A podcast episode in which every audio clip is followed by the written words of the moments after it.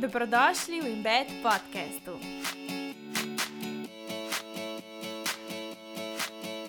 To po domače povedano pomeni, da njeni možgani lahko zaspijo, ker se ne rabijo s tem ukvarjati. Glede hormonske kontracepcije bi najprej rekla to, da je v bistvu uh, ena zelo slaba informiranost o tem, kaj to sploh je. En lep pozdrav sem skupaj, dobrodošli v Embed podkastu. Naš cilj je, da bi čim več žensk živelo v vsej svoji polnosti, izkoristilo svoj potencial in se počutilo uspešne, zadovoljne in svobodne v svojem telesu.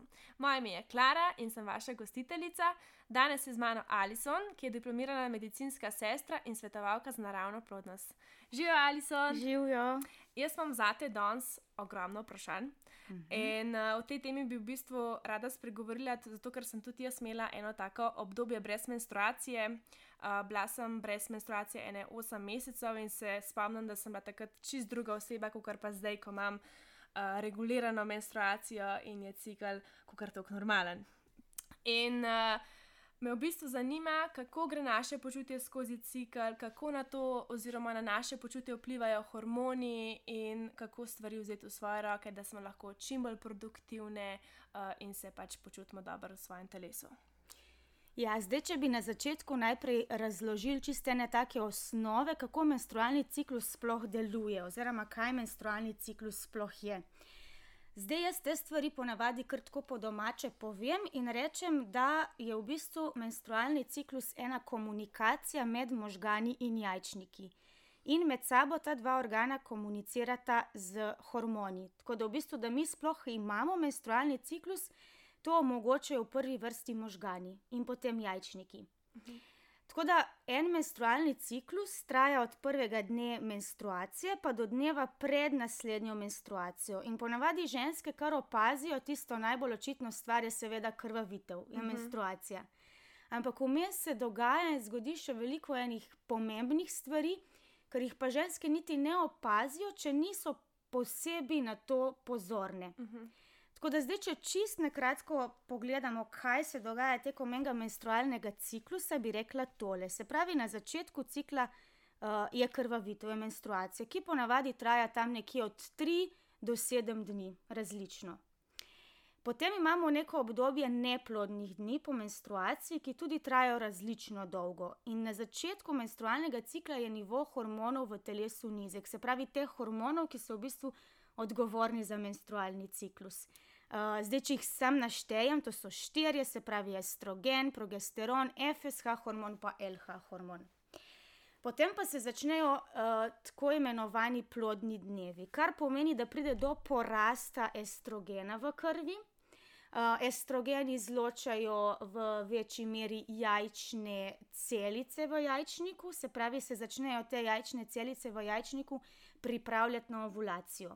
Ponavadi jih na cikl začne dozorevati tam nekje od 10 do 20, različno, tudi odvi, od, odvisno od uh, starosti ženske. Uh, in ena jajčna celica je tista, ki je najbolj dominantna, ki dozori do konca in se tudi pripravi na oploditev. Ta jajčna celica izloča visoke koncentracije estrogena. Zdaj, ženske to lahko opazijo skozi menstrualni ciklus preko opazovanja plodne sluzi, ki, začne, ki jo začne izločati maternični vrat. Mm -hmm. Tako da ženske, ki so res pozorne na svoj menstrualni ciklus, se lahko naučijo opazovati tudi ta indikator plodnosti, se pravi sluz materničnega vratu, ker je v bistvu tudi en pokazatelj ženske vitalnosti, ženskega zdravja, ženske plodnosti. Um, in takrat, ko je v bistvu v telesu večja količina estrogena, zdaj ti hormoni pravzaprav vplivajo tudi na delovanje naših možganov. Se pravi, to je neko vzajemno delovanje. Hkrati možgani omogočajo, da žleze z notranjim izločanjem izločajo hormone, hkrati pa ti hormoni vplivajo nazaj na delovanje možganov. In mi rečemo, da ti hormoni vplivajo na možganske tokokroge. Možganski tokokrogi pa pomenijo, kako se neke, kako neke informacije potujejo po možganjih. In od tega je odvisno, kako mi neko stvar razumemo, kako jo dojamemo, kako se na njo odzovemo. In zdaj mi že vemo, ne, recimo, da ženske in moški imamo različne možganske tokokroge. Uh mhm. -huh. Sigurno imate vsi to izkušnjo, da smo eno in isto stvar različno, da različno razumemo no, in se tudi različno Ja. na njo odzovemo. Uh, tako da ženska, ženski tokogro, tokokrogi so tekom enega menstrualnega ciklusa različni. a ne. In zdaj, če je ženska pozorna tudi na eno svoje počutje tekom menstrualnega cikla, potem opazi, da se v enem ciklu ne počuti vedno enako, kar je nekaj normalnega. Pa bova mogoče malo kasneje o tem govorila. Bom jaz zdaj sam še povedala, kaj se zgodi v drugem delu menstrualnega ciklusa. Se pravi, jaz sem ostala na zadnje pri ovulaciji. A Ne? Zdaj ovulacija pomeni, da se zrela jajčna celica sprosti iz jajčnika v jajcevod in tam največ 24 ur lahko počaka na morebitno združenje z moško spolno celico, se pravi na oploditev. In če do tega ne pride, v roku 24 ur odmre. In v bistvu oploditev, možnost za oploditev gre v tem ciklu mimo. Se pravi, za oploditev je časa 24 ur v celem, recimo 28 dni, če traja toliko časa ta ja, cikl. tako. Ja. Plodni pa smo. Plodni dnevi, zdaj, če gledamo samo žensko plodnost, mi rečemo, da traja 24 ur, maksimalno. Ampak mi, če hočemo doseči cilj plodnosti, kar je spočetje novega življenja, potem vedno gledamo skupno plodnost para. Sklu, skupna plodnost para je pa daljša in sicer zato, ker prej sem malo omenila to plodnost slusa, ne, ki se izloča iz materničnega vrtu zaradi porasta estrogena. Ta plodna sluz se v bistvu pojavi že približno od 4 do 8 dni pred ovulacijo. In ta plodna sluz je v bistvu pomembna za prehrano in za transport se- semenčic. Semenčice pa v tej plodni sluzi preživijo od 3 do 5 dni. Se pravi, se ti skupni dnevi plodnosti, oziroma plodnost para je potem daljša. a ne? Se pravi, če pride do spolnega odnosa že pred ovulacijo, se pravi v tistem obdobju, ko je ta plodna sluz prisotna, lahko pride potem v, neki dni, v, nekaj, dni, v nekaj dneh do oploditve, zato ker v bistvu uh, semenčice v tej plodni sluzi pripotujejo do jajcevoda in tam počakajo na sprostitev uh, ženske spolne celice. Kako pa je recimo um, zdaj, kot ne vem, ko pa želiš, zdaj imamo metode, ki so naravne za zanositev, kot si rekla, in tudi uh -huh. za preprečitev zanositve. Se pravi, ko spoznaš svoj cikl, ko se poznaš dobro, lahko tudi to s tem se ti v bistvu ukvarjaš Uh -huh. in deliš znanje glede tega, da pač lahko zanosiš, oziroma da preprečiš na naraven način. Kaj pa recimo, ne vem, moja izkušnja je bila kot ne vem. Mlada um, ženska, sem prišla k ginekologini, povedala recimo svoje težave, in njen odgovor je bil pač seveda kontracepcijske tabletke oziroma pač neka vrsta hormonske kontracepcije. In če bi jaz imela take informacije, kot jih imam recimo danes, sicer jaz takrat nisem potem vzela te uh, kontracepcije, hvala Bogu, pač vsaj za me, Mhm. no, hvala Bogu tako, ne bom rekla, da je to pač slabo za vse. Ampak se mi zdi, da se veliko žensk uh, prepusti odločitvi recimo zdravnice, ker ne ve, kako lahko tudi recimo, kakšne so možnosti, mogoče bi naredila pač neko drugo odločitev, če bi imela dovolj informacij. Kakšno je v bistvu sploh delovanje hormonskih kontracepcij? Ja, zdaj, o, glede hormonske kontracepcije bi najprej rekla to, da je v bistvu uh, ena zelo slaba informiranost o tem, kaj to sploh je, kako to deluje. Um, tlele, recimo, že kot mlade punce, nimajo neke priložnosti, da bi se one najprej razumele v tem sploh naravnem delovanju menstrualnega ciklusa. a Ne? Se pravi, že ta del zmanjka, da bi one sploh lahko razumele, kaj se dogaja z njihovim telesom, kaj se dogaja z njimi tekom odraščanja. Koliko je, koliko je recimo takrat prijeni še, ne vem, 13-letnici, veliko enih sprememb in na telesni, in na, na čustveni, in na fizični ravni. a ne. Um, tako da ta del je, je pogrešan, zmanjka in se potem začne kar hitro ponujati za različne stopnje težav, uh, ginekoloških težav, kar hormonsko kontracepcijo, kar pa seveda ni v redu. a ne. Zdaj, hormonska kontracepcija, če tako lepo splošim, to so v bistvu umetni hormoni, ki posnemajo delovanje ženskega menstrualnega cikla. Zdaj, prej sem rekla, da je ženski menstrualni ciklus naravno usmerjen uh, preko delovanja možganov, jajčnikov in hormonov. Zdaj, pri uh, jemanju hormonske kontracepcije pa je njen v narekovajih menstrualni ciklus usmerjen preko tablet. uh -huh. se pravi iz nekega umetnega preparata.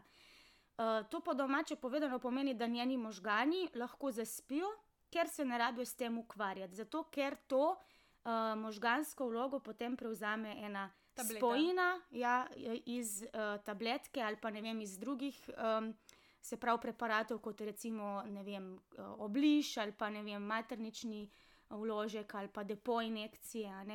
Uh, cilj delovanja je v bistvu pri vseh teh enak, uh, samo v bistvu doziranje hormonov je različno. Tako da v bistvu to gre za eno, za, jaz rečem, kar umetno ustvarjene cikle, nekaj, kar ne pride iz ženskega telesa, ampak je v bistvu ustvarjeno od zunaj. In potem, ko uh, poješ, recimo, ne vem, kaj tabletk v celem mesu, moraš pojesti. Različno, to imamo potem, zdaj mogoče se jaz tu podrobnosti ne bi spuščala, ne, ker imamo enofazne, dvofazne, Aha, trofazne, okay, ja, ja, tako ja. da tudi uh, način jemanja je različen. Kaj pa potem, ko dobiš krvavitev tisto mesečno, mm -hmm. mesečno, a je to dejansko menstruacija ali kaj je to? To je v bistvu pregradna krvavitev. Se pravi, to je uh, ponavadi ta krvavitev tudi blaga, brez bolečina. Ne? Zdaj, pri naravnem menstrualnem ciklu se v času ovulacije endometri, to je zunanja, to je notranja plast uh, sluznice maternice, se zadebeli, postane tako bolj prekrvavljena, bolj nagubana. Ker ta endometri je v maternici vsak cikl pri, uh, pač pripravljen na morebitno ugnezditev, če pride do oploditve. Se pravi, to je pri tem naravnem menstrualnem ciklu. Zdaj, pri hormonski kontracepciji se pa ta endometri ne zadebeljuje toliko, zato ker je v bistvu ta nivo teh hormonov drugače doziran v, v telo, kot je pa to pri normalnem rednem ciklu. In se mhm. ta endometri mal zadebeli. In posledično pride sicer do krvavitve, ampak ta krvavitev je samo posledica. Um, sicer delovanje hormona, hormonov iz uh, pač, uh, pač tablet, no pa tudi neki delovanje ženskih hormonov, ampak je to na eni, kako bi rekla, nižji ravni, se pravi, tega, hormona, tega delovanja hormonov vse en manj. In posledica tega je, da je krvavitev bolj blaga in ne boleča, ampak to je v bistvu krvavitev brez predhodne ovulacije Aha. in jo imenujemo pregradna krvavitev. Torej, če ženska recimo jemlje kontracepcijske tabletke 10 let, je ona 10 let brez ovulacije. Ja, naj bi bil učinek hormonske kontracepcije, naj bi bil tak. Kakšni ja. pa so recimo stranski učinki, ki jih lahko nekdo, pač različne ženske, ki jih imajo ob jemanju ja. hormonske kontracepcije? Zdaj, um, estrogen, če govorimo o tem, da je to glavni ženski hormon, a ne? Estrogen vpliva v telesu na velik mehanizmov, ne samo na, uh, na menstrualni ciklus, pa na počutje, ampak vpliva vem, tudi na kožo, na, na to, da nam nohti rasejo, na, na metabolizem, na kosti, na velik, velik mehanizmov. Zdaj, na kaj vse dejansko vpliva v našem telesu, sploh niso še čist dobro uh, raziskali. In tudi delovanje hormonov, ki jih mi, pač, ki jih mi vnesemo v telo prek teh uh, umetnih apara, preparatov ravno tako delujejo na vse te mehanizme, ker delovanje hormonske kontracepcije ni lokalno, se pravi, to pomeni, da ne deluje samo na, na en organ v telesu, ampak deluje sistemsko, se pravi, na več organov oziroma na več mehanizmov v telesu. Uh mhm. -huh. Tako da posledično to delovanje, uh, se pravi, teh hormonov iz tablet, deluje tudi na, vem, na kosti, na kožo, na prebavo, na, uh, na, na delovanje možganov, na delovanje jajcevodov in še veliko, veliko drugih mehanizmov, vsaj sto mehanizmov.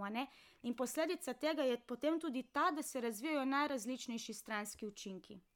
Zdaj, kakšne stranske učinke ženska razvije, je v bistvu različno in mi tega vnaprej ne moremo vedeti.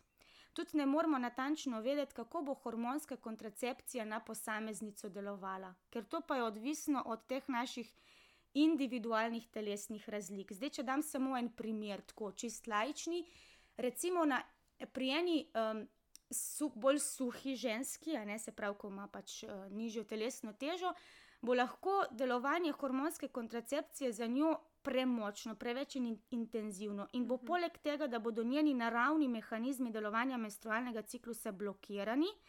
Bo ta ženska razvila še mnogo enih stranskih učinkov, različno. To je lahko od, ne vem, sprememb v počutju. Uh, ne vem, a ne se najbolj, recimo, najbolj uh, teh, mislim, ta najbolj taki nevarni, če lahko rečem, stranski učinki so prav te, da lahko pride do, uh, do venske tromboze, do embolije, ne, do, do težav pri strjevanju krvi, ne, kar na dolgi rok lahko v bistvu povzroči tudi eno možgansko kapo, pljučno embolijo, srčni infarkt. Ne, in v bistvu to se dogaja tudi že mladoletnicam. Ne. Recimo pri eni, pri, če vzamemo pa primerjeno drugo žensko, recimo, ko ima pa um, bolj močno postavo, ne, uh, je pa lahko delovanje uh, hormonske kontracepcije za njo na njeno telo šipkejše in recimo ne bo razvila toliko stranskih učinkov. In lahko se recimo v njenem primeru celo zgodi, da bo po neki časa jemanja uh, hormonska kontracepcija celo malo zatajila in lahko mhm. pride vsem tudi do oploditve, se pravi tudi do spočetja, kljub jemanju hormonske kontracepcije. Uh mhm.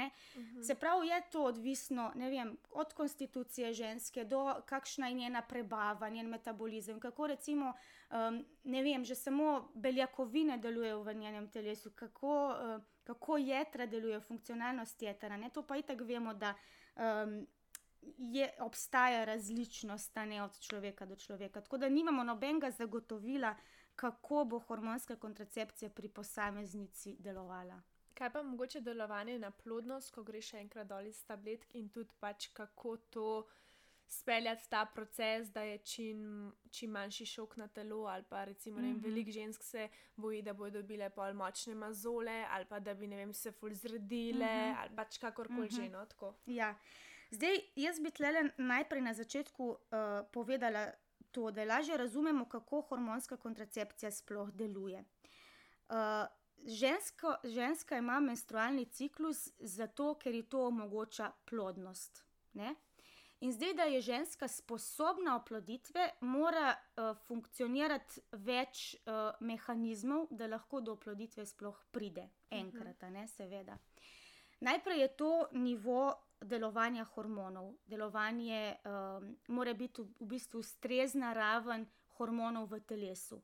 Potem mora biti ustrezno delovanje jajčnikov. Jajčniki morajo biti sposobni ovulacije, ovuliranja. Potem imamo tukaj naprej jajce vode. Jajce vod povezuje jajčnik pa maternično votlino in funkcija jaj, jajce voda je ta, da se uh, počasi krči in to krčenje v bistvu omogoča potovanje uh, odmrle jajčne celice, recimo v primerih, kadar do oploditve ne pride, a ne ta odmrla jajčna celica vseeno pripotuje v maternično votlino in jo potem v bistvu mi izločimo z, pač, a ne ko imamo menstruacijo. Uh mhm. Oplojena jajčna celica pa v bistvu s tem uh, krčenjem uh, jajcevode prispe do uh, endometrija, se pravi do votline maternice in se tam ugnezdi. Potem druga pomembna uh, funkcionalnost uh, ženskih rodil, uh, oziroma pač uh, to, kar omogoča njeno plodnost, je v bistvu ustrezno delovanje maternice oziroma endometrija, to je to zadebeljevanje, kot sem prej razlagala, ne, da se mora endometrij zadebeljevati, da lahko pride do ugnezditve. Ker recimo v primeru, da do oploditve sicer pride, endometri pa ne funkcionira optimalno, se pravi, se premalo zadebeli, uh mhm. -huh. potem se ugnezditev ne bo zgodila, ampak bo prišlo do tako imenovanega mikrosplava. Uh mhm. -huh. Tle mi gledamo, se pravi, in to, da mora biti žensko telo sposobno oploditve, ampak tudi ugnezditve. Ker sicer lahko do oploditev prihaja, ne prihaja pa tudi do ugnezditev. Tako da potem tam se nosečnost ne more nadaljevati. In zadnja stvar, kar mora eh, funkcionirati v ženskem telesu, je v bistvu delovanje materničnega vratu. Maternični vrat pa izloča plodno sluz. Ne? In ta plodna sluz omogoča ta transport in prehrano semenčic. In zdaj, recimo, če imamo vem, primer ene ženske, ker lahko jajčniki lepo delujejo, zadosten nivo hormonov v telesu je, uh, jajcevodi lepo delujejo, endometri se primerno zadebeljuje, ni pa recimo dovolj plodne sluzi, ne vem, v primeru, da je tam, ne vem, enkrat prišlo do kakšne poškodbe materničnega vratu, recimo, uh, potem do oploditve ne bo prišlo. Uh mhm. -huh. Se pravi, že samo če en mehanizem zataji. Do oploditve ali pa do ugnezditve ne pride. Uh mhm. -huh. In hormonska kontracepcija deluje konkretno na vse te mehanizme. Zdaj v prvi vrsti deluje na možgane, ne, se pravi, um, blokira delovanje hipotalamusa, ki je v bistvu glavni center za uravnavanje hormonov v telesu, potem v bistvu vpliva na nivo hormonov v telesu, ne, se pravi, je ta naravno, naravno delovanje v ženskem telesu, naravno delovanje hormonov blokirano. na jajčnike, na jajcevode, na endometri, se pravi na maternično votlino in na uh, maternični vrata, ne? se pravi na vse te mehanizme. Um, in recimo zato se zgodi, da ko ženske opustijo hormonsko kontracepcijo, uh, njeno telo oziroma njen, njeni cikli kar nekaj časa rabijo, da se nazaj te mehanizmi vzpostavijo. Ne? Se pravi, rabi telo en svoj proces, da si spet opomore. Lahko pa se zgodi, da recimo ostane kakšna stvar poškodovana še vedno. Lahko recimo jajčniki spet ovulirajo, lahko recimo endometri se začne primerno zadebeljevati, lahko maternični vrat spet začne izločati plodno sluz, ampak recimo lahko bo nivo jajcevodov ostal. Če lahko tako rečem, poškodovana, ne? ker je bilo tam toliko časa, se pravi, ženska prejemala hormonsko kontracepcijo, in recimo zdaj neprimerno krčenje jajcevodov je pa v bistvu lahko povzroči recimo izven maternično nosečnost. Uh -huh. V tem primeru se nosečnost ne more uh, izpeljati do konca, oziroma se ne zaključi. Ne? Ali pa recimo, ne vem, se endometri recimo ne, ne zadebeljuje več primerno, kar pomeni, da ne prihaja potem do ugnezditev. Tako da se pravi, ne moramo pa vnaprej vedeti, kaj. Kaj bo to za eno posameznico prineslo? Lahko se, cikli, lahko se cikli zelo hitro nazaj vzpostavijo, lahko po eni ženski traja nekaj mesecev, kakšno leto, dve, da se stvari nazaj vzpostavijo, lahko pa recimo en mehanizem tam pač ostane poškodovan. Uh Mhm. -huh. Zdaj, recimo ženske, ko se odločijo, ne, zdaj, to je bilo pa tvoje vprašanje konkretno, uh -huh. ne, Mhm. ko se odločijo, da um, bi rade opustile hormonsko kontracepcijo. Tukaj ni zdaj kakšnega posebnega postopka, rituala, kako to opuščata. Ne. Ko se ona za to odloči, pač prekine. Ne. In ja, lahko se recimo zgodi, da bo potem prišlo do spremembe telesne teže, do ne vem, ne vem lahko se mozoli potem pojavijo, ali pa tudi ne, ne, ali pa recimo pride do nihanja razpoloženja. To mi podrečemo malo tako, da pride do enega odtegnite, odtegnitvenega sindroma. Lahko se to zgodi, lahko pa ne. ne. Um, Zdaj, odtegnitveni sindrom, ja, lahko ča, nekaj, nekaj časa traja. Ne? Se pravi, telo na tak način reagira, oziroma pokaže, da se je v bistvu začelo čistiti. Uh -huh. In jaz rečem, puncem, ne se tega ustrašiti. Pač, ker stvari lahko imamo potem mi v svojih rokah. Tvoje telo pomeni, da končno zače, mislim, da začenja normalno delovati v enem uh, njegovem naravnem, primernem ritmu. Uh -huh. Tudi meni veliko žensk mi reče, končno se počutim jaz v svojem telesu. Um, in jaz jim tudi rečem takole, da naj bodo aktivne v svojem zdravljenju. Če recimo se pojavijo mozoli, recimo, ne, um, mi lahko danes te stvari obvladujemo, ne, lahko delamo aktivno na tem, da uh, je naša koža boljša, lepša. Ne. Ker recimo prav to delovanje hormonske kontracepcije manj tle zahrbtno, ne, uh, ker vem, da se predpisujejo hormoni tudi zaradi uh, različnih zdravstvenih težav, ampak uh -huh. hormonska kontracepcija ne reši problema. Recimo, dobijo ženske predpisano hormonsko kontracepcijo zaradi bolečih menstruacij, ali pa zaradi nerednih ciklov, ali pa zaradi uh, mozoljev, ampak mi tle nismo vzroka za te težave ne odkrivali in ne zdravili. Ne? Hormonska kontracepcija samo prikrije simptom. In uh, zdaj, ko smo pregovorili o stranskih učinkih, recimo hormonska kontracepcija, ali pa se vsaka, vsako zdravilo, vsaka tableta ima pozitivne in negativne stranske uh -huh. učinke. Ne? In pri jemanju hormonske kontracepcije je recimo pozitivni učinek ta, da imajo ženske lepšo, bolj gladko kožo. Uh -huh. Ampak, ko recimo ta uh, ženska preneha z jemanjem hormonov, se potem ta težava nazaj pojavi. Zakaj? Zato, ker nismo reševali vzroka. Je, Nič nismo na tem ja, tako naredili. Ja. Um, kako bi vam pokomentirala? Jaz sem nekje prebrala ali sem celo slišala, um, da ko si na hormonski kontracepciji, da uh, ženska v bistvu čist drugače zbere svojega spolnega partnerja. Uh -huh. Ja, to je res. Zaradi ja. česa? Zdaj, tako, kot sem prej že rekla, hormoni v bistvu vplivajo tudi na naše psihično, na naše čustveno stanje. Uh -huh. In konkretno estrogen vpliva tudi uh, na ženska čutila. Recimo v času ovulacije okrepi ženske čute. To pomeni, da mi takrat um, bolj, zaznavamo bolj intenzivne vonje, sluh se lahko okrepi, boljše vidimo, okus se lahko spremeni, ne? dotik je čist drugačen. Tudi recimo v času ovulacije si ženska bolj želi ene nežnosti dotika, ne bo to drugače sprejela, kot pa recimo v času menstruacije. Recimo, ne, sej različnost še vedno obstaja, ne. Tako da ena ženska, recimo, ta uh, okrepljene čute bolj intenzivno zaznavajo, ene pa manj. Ne? Recimo, ene so bolj senzitivne na te spremembe, ene pa manj. Ali pa recimo um, ženske, ko so bolj pozorne, tudi opazijo, ne se v času ovulacije, pa res ne vem, manj drugačen okus ali pa boljši von, recimo. Um, tako da ja, in seveda zdaj ženske, recimo, kar se tiče v odnosu do moških, ne, um, mi nas recimo. Um, uh, pozornost do moškega v bistvu pritegne preko, uh, preko uh, vida, Mhm. oziroma ne preko vida, niti ne toliko, preko zvoka, se pravi sluha, pa preko vonja. Ne? Uh, nam je to privlačno, se pravi, da bomo mi nekega moškega zavonjali, ampak to so v bistvu. To Stvari, govorim se o, jih ne zavedaš. ja, o Ja, naravnem ja. moškem vonju, ne o tem, kakšen deodorant on Ja, ja, uporablja. ja, ja. ne. En tak mogoče bolj neza, na nezavedni ravni. Nagon, ki ga imamo Ja, ja, vsi, recimo, ampak je danes ja, ja, pač nekako ja, ja, se ga ne, ne. zavedamo. Ja. Da, kar rečeš, da ti nekdo prav diši, ne, ma ne njegov parfum, ampak On ne. ti paše, paše ja, ti. Sej v ja. bistvu prek teh hormonov tudi oddajamo neke vonjave, neke signale. Ne? In zvok, isto, se pravi preko glasu, ne, kakšen glas ima, Mhm. ne, to, nam, to nas zelo privlači. In seveda pač v času jemanja hormonske kontracepcije je to drugačno. Ne? Se pravi, ta čutila nimajo možnosti biti okrepljena iz našega naravnega delovanja, ne?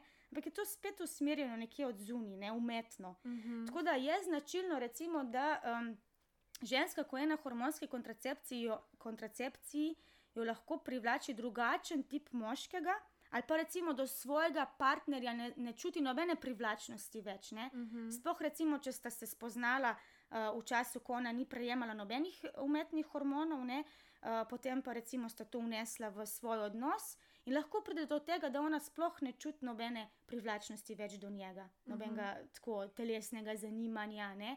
Uh, to, se, to se dogaja, ja, to se dogaja. Mene pa zdaj zanima v bistvu tvoje mnenje na trenutno situacijo, v kateri smo v bistvu ženske, oziroma o kakšni, um, kako bi temu rekla. Pač vsaj jaz, kar sem opazovala, pa kar berem, pa tako, da se vloga ženske ni prej stoletja spremenila, tako kot se je zdaj v zadnjih, ne vem, parih desetletjih. In danes smo mi žene, smo mame, hkrati si pa pač želimo, in hvala Bogu, da nam je to tudi pač omogočeno, da smo podjetnice in smo pač posledično pod nekim takim, ne, ne mislim to v uh, spolu, ki bom rekla moško energijo, ampak na podlagi pač zgodovine, neka taka moška, uh, dominantna, mm -hmm. uh, močna, odločna energija na ta mm. -hmm. način. In kako to, recimo, ti vidiš skozi svoje delo, kakšno recimo bi to mo- nekako pripisala tudi današnji situaciji, kar se tiče plodnosti in težave z nositvijo. Uh -huh. Aha, če je to povezano. Ja, Mhm. Ja, zdaj najprej ta uh, prvi del. Ja, ženske smo nas veliko vlog prevzele. Mhm. Ne? Ja, se je to spremenilo, postale smo ma- emancipirane, več pravic imamo in tako naprej. Ne? Povsod bi rade bile prisotne. Mal so, moški so nam pa to kar dovolili, ne? Mhm. mal so nam to kar pustili. Zdaj, sej, ne pravim, da je s tem karkoli narobe, ne? ampak uh, včasih se mi zdi, da so v bistvu pa moški tlele mal zaspali. Ne?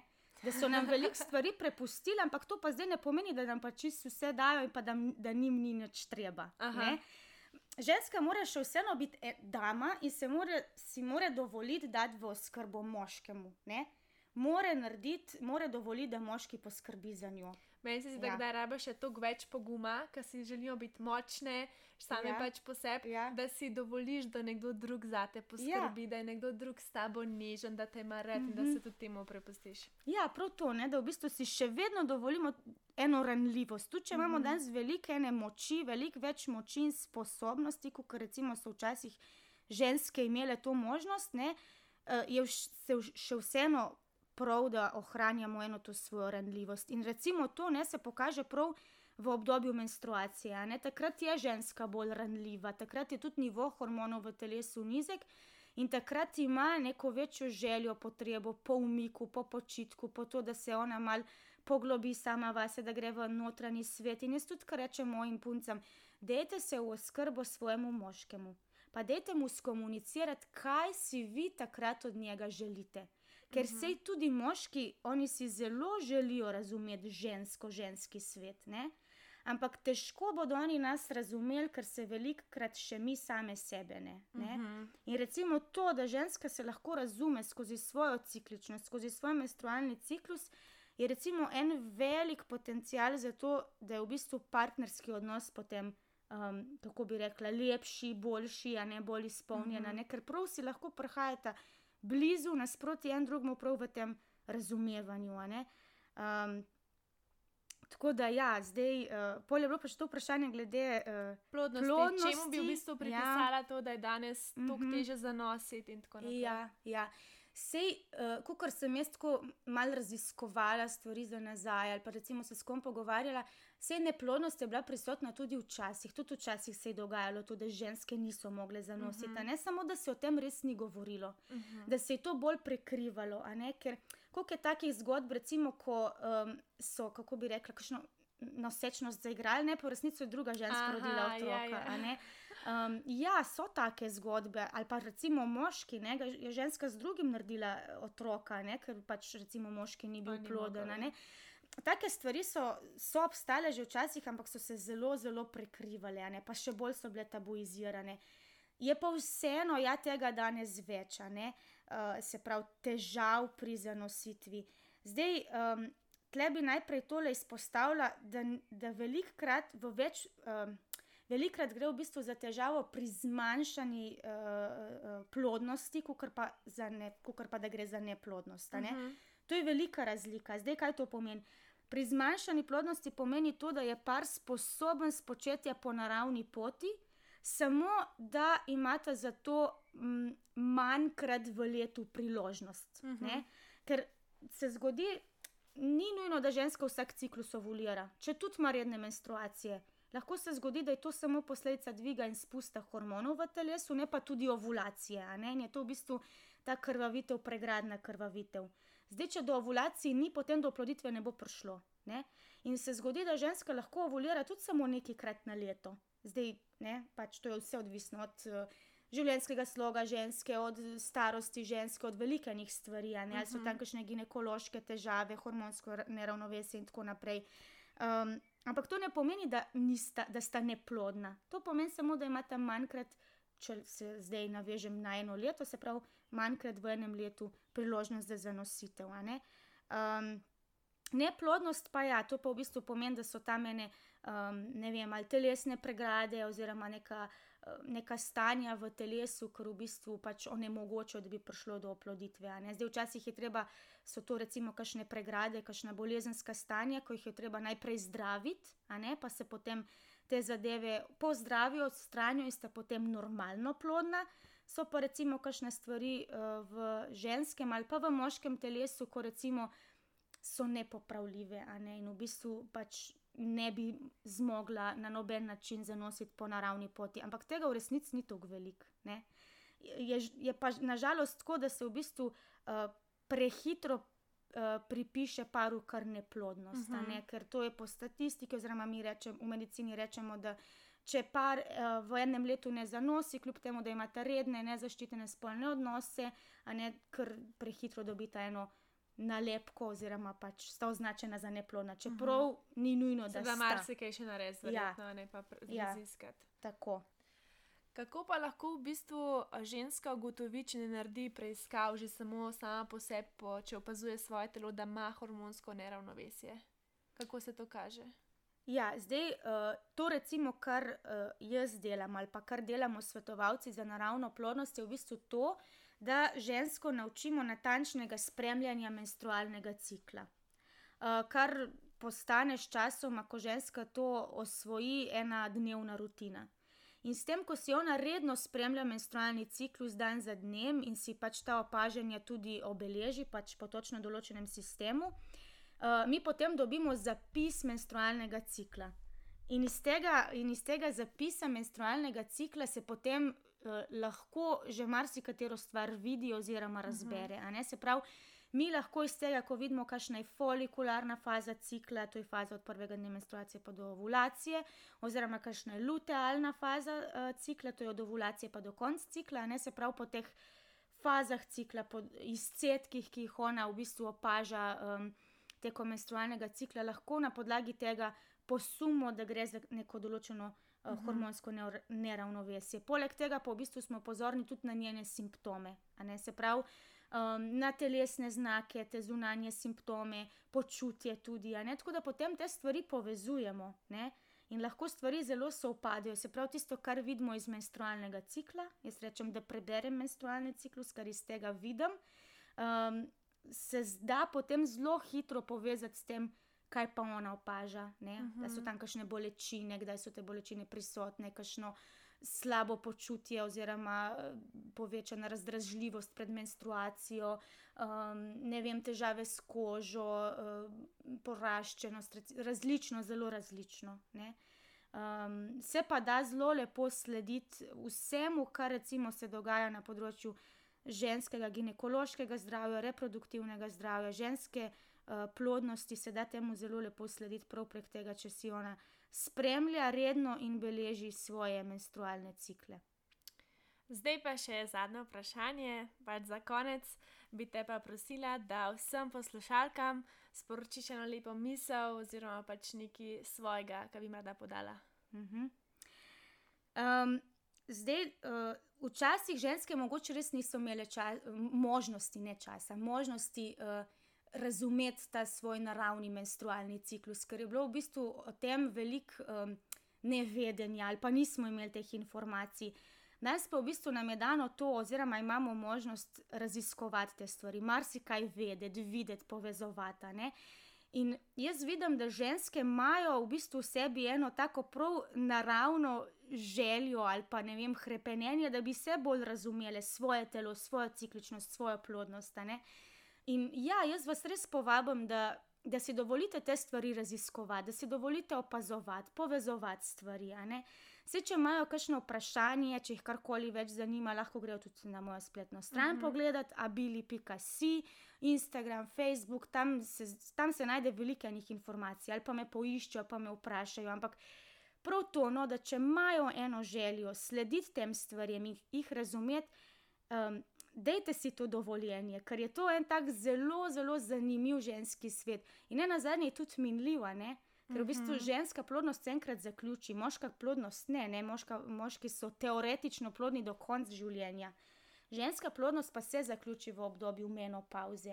In prav to obdobje, se pravi, ko je ženska plodnost prisotna od pubertete pa do, do menopauze, je v bistvu um, pač ja, imamo eno možnost, priložnost, potencijala. Prav, raziskovati te stvari, uh, jim slediti in v bistvu jih tudi uh, pač, uh, ja, upoštevati, jih razumeti. Evo, prišli smo do konca najnega pogovora. Ali so najlepša hvala, da si se mi pridružila in delila vse svoje znanje. In pa hvala vsem, ki ste poslušali do konca. Upam, da vam je bila ta epizoda všeč. Uh, jaz sem res vesela, da smo spregovorili o tematiki, ki je tako pomembna za žensko zdravje in da se bolj spoznamo in posledično tudi bolj razumemo sebe in svet okoli nas. Vse ostale informacije o menstruaciji, o menstrualnem ciklu, naravni plodnosti najdete na Instagram profilu Abili Naravna plodnost. Jaz bom vse informacije zapisala tudi v opis epizode. Če vam je epizoda z Alison všeč, vas res lepo povabim, da kliknete subscribe in se nam pridružite še vseh naslednjih, in pa delite podcast z vsemi ženskami v vašem življenju, ki bi jim prav prišle deljene informacije. V opisu epizode boste tudi našli link, kjer lahko pustite svoj mail. Jaz pa vas bom čisto vsak teden spodbujala, da vzamete počutje in srečo v svoje roke. Vse vas lepo pozdravljam in komaj čakam, da se poslušamo spet v naslednji epizodi. Čau, čau!